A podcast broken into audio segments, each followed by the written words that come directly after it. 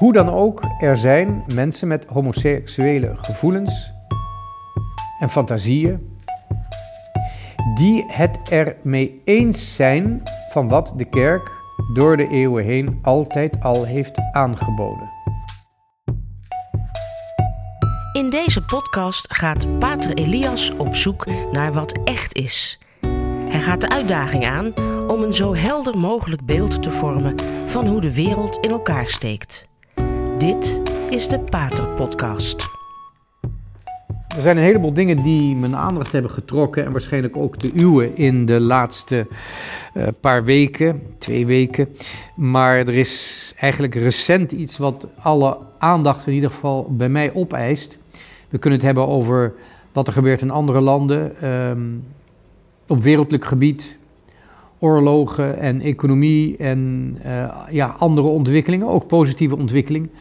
Maar er is um, recent natuurlijk uh, iets heel bizars gebeurd. Ik kan het al niet anders noemen. Uh, dicht bij huis, maar wel buitenland, namelijk in Vlaanderen. U heeft het misschien al gelezen of gehoord of op een andere manier vernomen. De Belgische bisschoppen zijn, uh, althans de Vlaamse bisschoppen zijn met een document uitgekomen wat een min of meer um, ja, wordt gezien of gezien kan worden als een soort van zegening. Uh, ook al noemen zij het een zegenwens over een, uh, een zogenaamde uh, homorelatie. Um, het is allereerst erg moeilijk om daar commentaar op te leveren, omdat wanneer je dat document ziet, het is 2,5 kantje, 2,5 A4'tje, het, het van knulligheid aan elkaar hangt. Ik had het gevoel van, hè, dit, dit moet een grap zijn, of het is een een kladpapiertje van de bisschoppen als voorbereiding uh, op, een, op een ander document. Hè, zoiets wat je op, op een velletje even scrabbelt. Het ziet er bijna amateuristisch uit. Uh, en het gaat inderdaad om een soort van gebedsoefening. Um, ja, voor een, voor een homostel, voor een homoseksuele relatie. Um, ja, wat voor commentaar moet je erop leveren? Um, laat ik even gewoon beginnen bij het beginnen. Want je hebt het gevoel dat je voor sommige autoriteiten in, uh, in, in, in de kerk eigenlijk weer opnieuw moet uitleggen uh, wat 1 en 1 uh, is. Dat is namelijk 2. Um, je moet ze weer leren rekenen, leren wat de zwaartekracht is. Dingen vallen omlaag en sommige dingen vliegen omhoog, zoals vuur en luchtballonnetjes. Um, wat is een bisschop? Een bisschop Misschien weet u dat, in de oude traditionele mis worden die aangeduid met pontifex, oftewel een bruggenbouwer. Een bisschop bouwt bruggen. Er zijn een heleboel bisschoppen die het daar vaak over hebben en dat klopt ook. Zij moeten bruggenbouwers zijn. Dat is hun roeping, dat is hun taak, daaraan ontleden ze. Um, ja, het is een beetje een ouderwets woord. Daaraan ontleden zij, uh, zij zijn de, de, ja, wat je noemt de, de ambtelijke waardigheid. Hè? Die staf en die mijter, dat betekent iets. Dat gaat niet over de persoon, of die goed of slecht is, of die aardig is of een beetje knorrig. Die staf en die mijter, dat gaat erover dat zij bruggenbouwers zijn, pontifex. Alleen, zoals bij iedere brug, um, is het wel belangrijk dat er twee oevers zijn. Niemand heeft uh, behoefte aan oeverloos bruggenbouwen. En uh, bij iedere brug horen ook oevers. Sterker nog, die oevers waren er eerder dan de brug.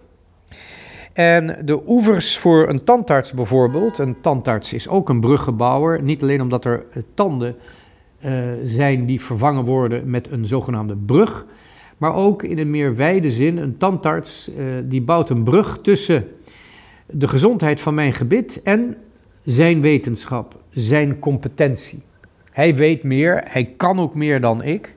En daarom ga ik in vertrouwen naar die tandarts. En ik weet dat ik uh, voor mijn. Uh, voor mijn tenennagels niet bij hem terechtkom. Ik ga naar hem toe omdat ik zijn competentie in het ombouwen of het herstellen of het gezond maken van gebitten uh, vertrouw.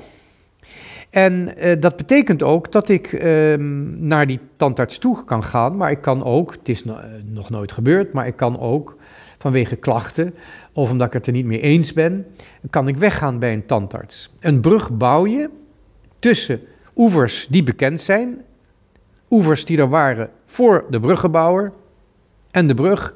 En bovendien, een brug kun je twee kanten overgaan, namelijk van de zijde A naar de zijde B, naar deze kant en naar de overkant. Maar je kunt ook weer terug. Je kunt van B naar A. De overkant die inmiddels deze kant is geworden, van daaruit kun je dus weer terug naar wat dan de overkant is geworden, wat eerder deze kant was. Twee richtingen verkeer is altijd op een brug mogelijk. En zo is er een bisschop of een autoriteit, en ikzelf ook als priester, wij delen in die taak, om mensen een keuze aan te bieden. Dit zijn de, offer, dit zijn de oevers, dit is de brug, en je mag hem beide kanten over. Maar er is wel een oever. En die oever was er eerder dan ik, die was er eerder dan u, die was er eerder dan alle bisschoppen. Omdat die oevers zijn namelijk de menselijke natuur, althans in de katholieke kerk zijn er twee oevers.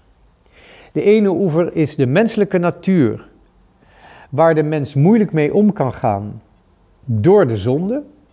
En de andere oever, dat is de middelen die God ons aanbiedt om het eeuwige leven te verwerven en de natuur te genezen. Er zijn altijd twee aspecten aan beide oevers. De ene oever is onze menselijke natuur, die gevallen is, die niet vernietigd is door de zonde, maar gevallen in die zin, in die zin dat door de zonde die natuur zijn natuurlijke openheid naar God afsluit, niet meer kan uitoefenen.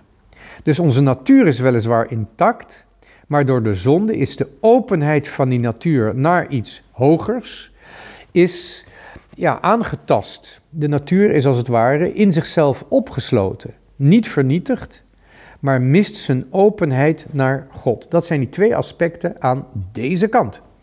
Aan de andere kant is er de God die zich openbaart en die zich geeft om twee dingen te bereiken. Ten eerste om die openheid van de natuur te herstellen, maar ook vanuit zijn eigen goddelijke natuur, met de genade, met het hele genade leven, die openheid te beantwoorden. Dus hij herstelt niet alleen die openheid van de natuur, hij geneest dus niet alleen de natuur, maar door te vergeven maakt hij die natuur ook weer waardig om in die openheid te worden aangevuld met een goddelijk leven dat bestaat uit de openheid van de drie goddelijke personen naar elkaar.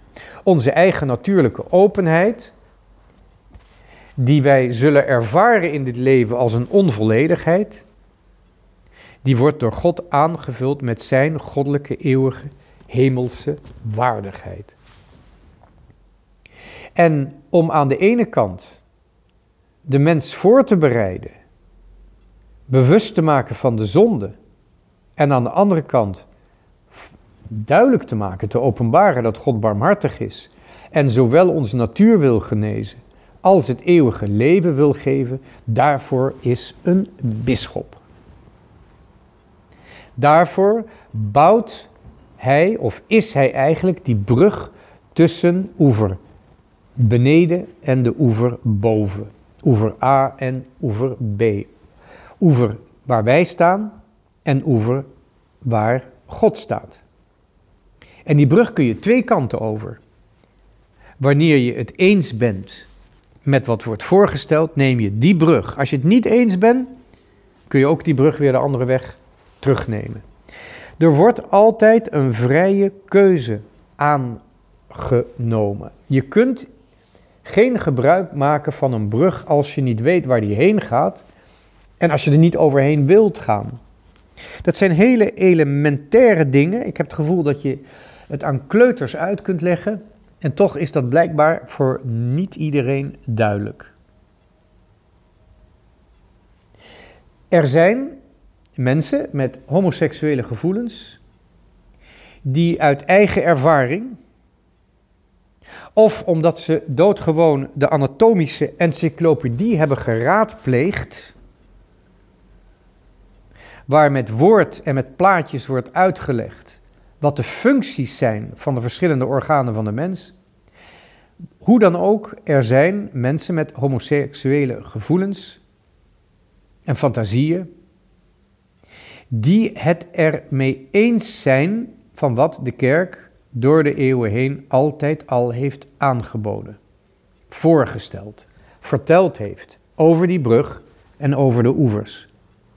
En zulke mensen komen naar priesters toe, naar bisschoppen toe, en willen dat zij gewoon de functie uitoefenen waarin zij trouw hebben beloofd. Die mensen zijn er. Ze willen niet bekend worden. Ze hoeven ook niet bekend te worden. Maar ze willen er wel gebruik van maken.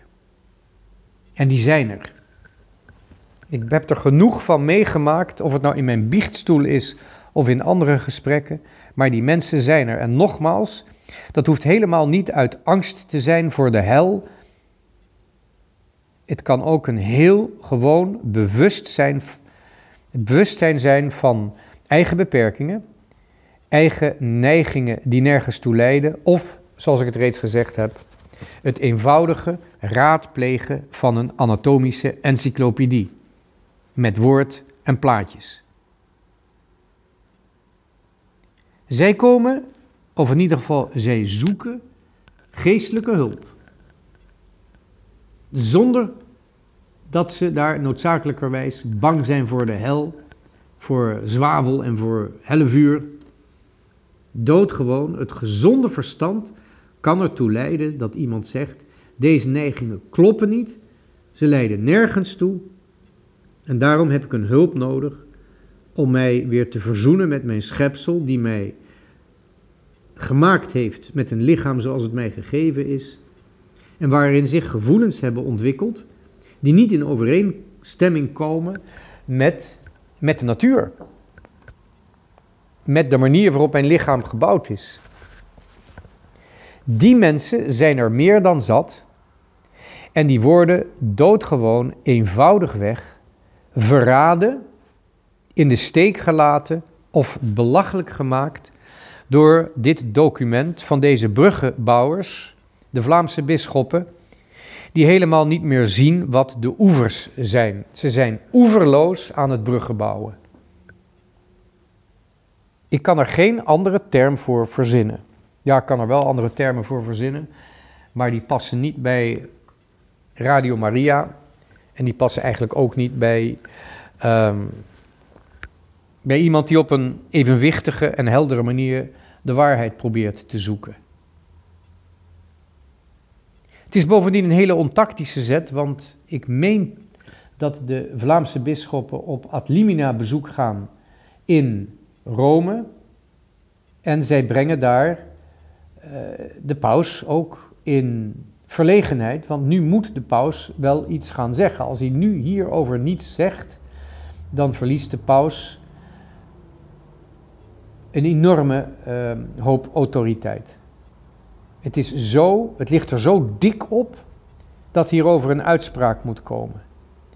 Doodgewoon omdat de bisschoppen trouw hebben beloofd, een trouw die dus ook van ze verwacht mag worden, aan het katholieke geloof dat ons is doorgegeven en dat wij ook, daartoe zijn wij geroepen, in deze tijd, deze redelijk absurde tijd, bizarre tijd, ook moeten dienen.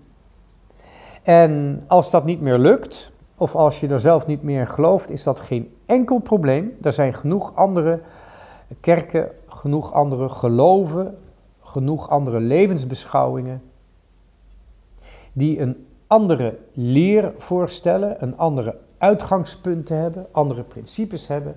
En daar is iedereen vrij om zich daarbij aan te sluiten.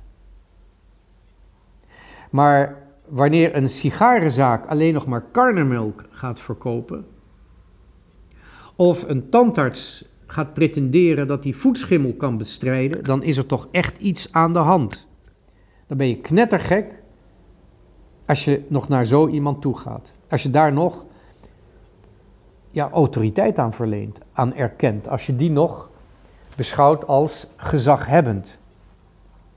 En dat is precies wat er zal gebeuren omdat de meeste mensen wel degelijk een gezond verstand hebben. De meeste mensen die al lang de kerk zijn uitgevlucht omdat onder de vlag van de barmhartigheid allerlei onzin wordt uitgekraamd. Wat dat betreft leven we in onze tijd werkelijk in een tijd van corruptie van de barmhartigheid. Het is volledig bedorven, de barmhartigheid die wordt aangeboden. Daar wil niemand een hap van nemen en de mensen zijn dan ook terecht massaal de kerk uitgevlucht. En wie weet is dit wel de definitieve doodsklap voor het gezag wat de Vlaamse bisschoppen nog enigszins hadden. Dit is het einde van hun tijd. Het is een illusie te denken dat zij hier nog mee kerk, de kerken vol zullen krijgen of iets voller zullen krijgen. Dit is het einde. Ze verklaren zich nu volstrekt irrelevant. Wat er dan verder zal gebeuren, ach. Er is nog geld, zeker in België, want de staat steunt de kerk. En er zullen vele mensen zijn die gebruik maken van de kerk om die kerk belachelijk te maken. En daar is eigenlijk, zijn de bruggenbouwers in de kerk, zijn er zelf mee begonnen. Geen mens met gezond verstand kan dit nog serieus nemen. Een dieptepunt kun je het noemen, een afgrond kun je het noemen. Het is heel merkwaardig, ik noem het het natte fariseïsme. Zoals de droge fariseërs in de tijd van Christus de wet gebruikten. Op precies de omgekeerde manier waarop ze, uh, omgekeerd ten opzichte van zoals ze bedoeld was. De oude wet was bedoeld om onszelf te veroordelen en te erkennen dat we een persoonlijke verlosser nodig hebben. En wat werd het bij de Fariseeën? De wet werd gebruikt om anderen te veroordelen en te pretenderen dat zij geen verlosser nodig hadden. We leven vandaag de dag in de tijd van het natte fariseïsme. Niet het voor-christelijke fariseïsme, maar het na-christelijke fariseïsme. Dat is het natte fariseïsme. De barmhartigheid is zo bedorven dat er wordt verkondigd dat er eigenlijk geen zonder meer is, dat we dus geen bekering nodig hebben en dat Gods liefde eigenlijk volkomen ruggengraatsloos is. Wij hoeven niet te kiezen. God houdt van ons wat onze keuzes ook zijn. Er is toch geen zonde en er is eigenlijk ook geen vrije wil met de moderne visie, modernistische visie op de barmhartigheid die wordt verkondigd. Het natte fariseïsme. Het is zo inclusief dat we er uiteindelijk niet bij mogen horen en welkom zijn, waar erbij moeten horen, zoals in een gevangenis. Immers, de modernistische kijk op de barmhartigheid is dat wij geen vrije wil hebben. Er is immers geen zonde, dus ook geen vrije wil. En dus zie je dat ook, wanneer je daar twijfels bij zet, twijfels bij plaatst en laat merken dat je twijfels hebt, dan, word eruit, dan ben je ineens een outcast, een paria. Dan ben je onbarmhartig. Je wil niet mee met de massa. Je wil je individu niet opgeven, je wil je vrije wil niet opgeven om zelf te kiezen of je de brug over wil komen of in de andere richting terug wilt gaan naar je eigen oever. De modernistische vorm van barmhartigheid is het natte fariseïsme. Waarbij, omdat de mens wordt ontkend als zondaar, wordt ontkend als individu met een vrije wil, wordt de zonde ontkend, wordt de noodzaak van verlossing wordt erkend en wordt dus de kerk op zijn best een cultureel gebouw waar je concerten kunt houden, maar in feite is het een belachelijk instituut dat nergens voor nodig is en waar je beter een fabriek of een theater of een sporthal van kunt maken. Dat is de tijd waarin we leven. En het is voor mij een hoopvol teken om te constateren dat er veel mensen zijn die dat doorhebben en daarom de kerk zijn uitgevlucht. Het enige wat ze nodig hebben is een beetje moed om hun visie, om hun gezond verstand ook te laten blijken in het dagelijkse leven. En dan is het enige wat ze nodig hebben, is moedige priesters die gewoon zeggen waar het op staat, die aangeven en duidelijk maken wat de kerk de wereld aanbiedt. En dat is niets minder dan Jezus Christus, het vlees geworden woord van God, de Zoon van God, die de wereld verlost heeft. Die, als wij op Hem vertrouwen, ons een eeuwig geluk aanbiedt, waarin ons lichaam, wat de neigingen er ook van zijn geweest, zal verrijzen in heerlijkheid. Alle wonden zullen zijn genezen. De onsterfelijkheid zal aan het lichaam worden gegeven. En wij zullen in eeuwigheid een licht uitstralen van de overwinning van de waarheid en de overwinning van Gods barmhartigheid. Bedankt voor het luisteren. Tot de volgende keer.